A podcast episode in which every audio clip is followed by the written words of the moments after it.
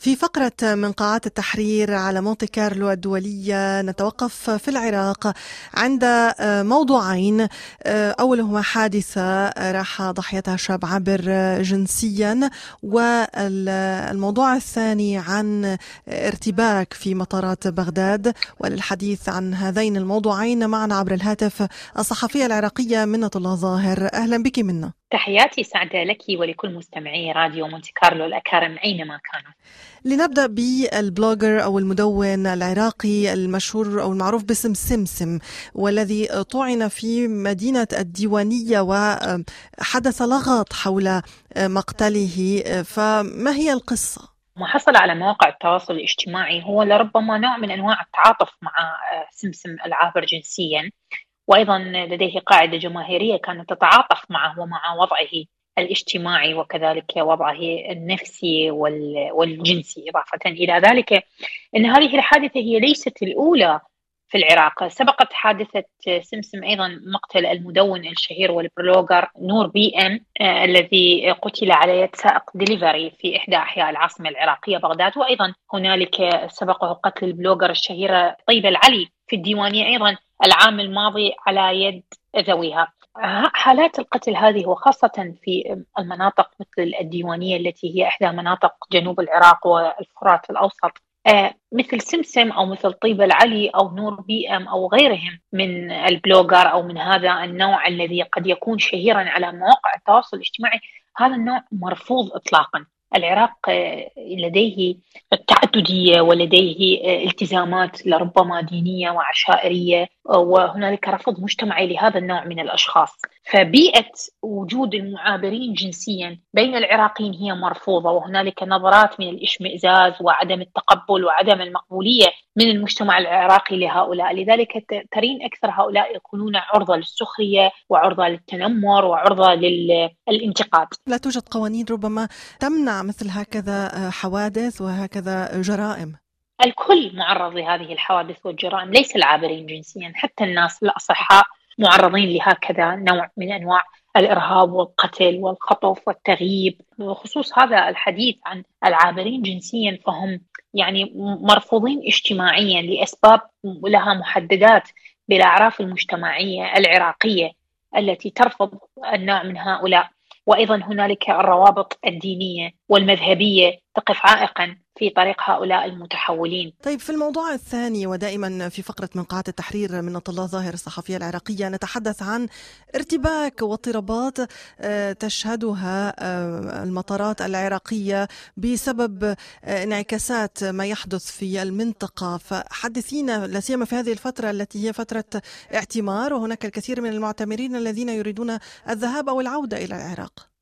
ما حصل في مطار بغداد الدولي من ارتباك في الطائرات أو في نقل المعتمرين الذاهبين لإداء مناسك عمرة شهري شعبان وكذلك شهر رمضان المبارك. ما حصل هو بسبب حظر شركة فلاي بغداد بقرار الخزانة الأمريكية قبل شهر من الآن الذي صدر بحقها وحظرها من الطيران ومن ممارسة يعني تحليقها في الأجواء العراقية وحتى خارج الأجواء العراقية.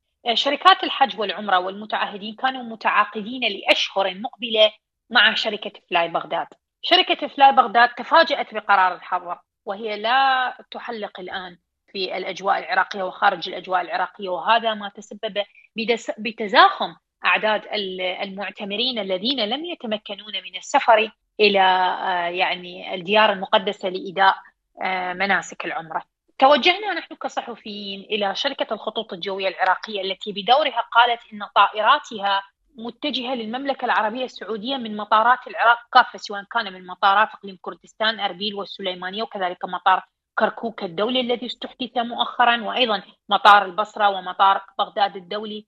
تذهب الطائرات بواقع 10 رحلات موزعة على 12 ساعة عمل يوميا. وإن الخطوط الجوية العراقية وما حصل من ارتباك بسبب أن هنالك أعطال ضربت الطائرات. 24 طائرة عراقية معطلة تخضع لعمليات الفحص والتفتيش والصيانة في هندسة الطائرات التابعة لشركة الخطوط الجوية العراقية في مطار بغداد الدولي. خمسة منها أعيدت للخدمة لكنها لا تكفي لسداد رحلات العمرة ولسداد حركة الطائرات التي هي بشكل يومي إلى دول الخليج. هنالك طائرة تذهب إلى الإمارات العربية المتحدة هنالك طائرتان تذهب إلى أنقرة وإسطنبول هنالك طائرتان تذهب إلى لبنان هنالك إلى عمان الصين ألمانيا آه، موسكو آه، تونس واجهات متعددة تذهب إليها شركة الخطوط الجوية العراقية حتى رحلات داخلية. هنالك ثلاث رحلات إلى أربيل هنالك رحلتان إلى السليمانية هنالك رحلتان إلى البصرة وأيضا إلى إيران هنالك من رحلتين إلى ثلاثة يوميا. فما حصل من خلل لدى شركة فلاي بغداد بحظرها من عدم الط... من وحرمانها من الطيران أثر على شركة الخطوط الجوية العراقية حيث لجأ المواطنين إليها. اولا أيضا التقينا من المواطنين المتضررين من قرار الخزانة الأمريكية الذين ذهبت أموالهم لدى شركة فلاي بغداد التي لم تعوضهم ولم تحضر لهم طائرة بديلة من شركة أخرى لكي يذهبون يعودون إلى بغداد من العالقين في جدة أو من العالقين بمطار بغداد الذين يذهبون باتجاه المدينة المنورة.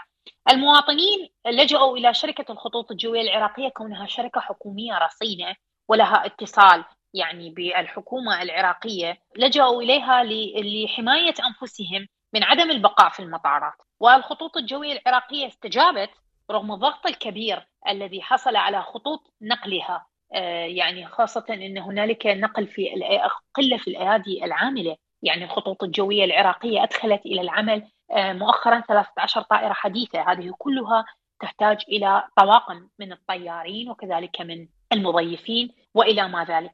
فرأينا آه، أنه الطواقم كلها مشغولة. تذهب إلى أكثر من رحلة باليوم ومن بعدها تأتي لتنقذ هؤلاء الذين تضرروا من بسبب حجزهم مع فلاي بغداد التي حرمتها الخزانة الأمريكية من التحليق في الأجواء. كافة نعم. نعم شكرا جزيلا لك منة الله ظاهر صحفية العراقية على هذه الإيضاحات. شكرا جزيلا شكرا سعدة شكرا لك.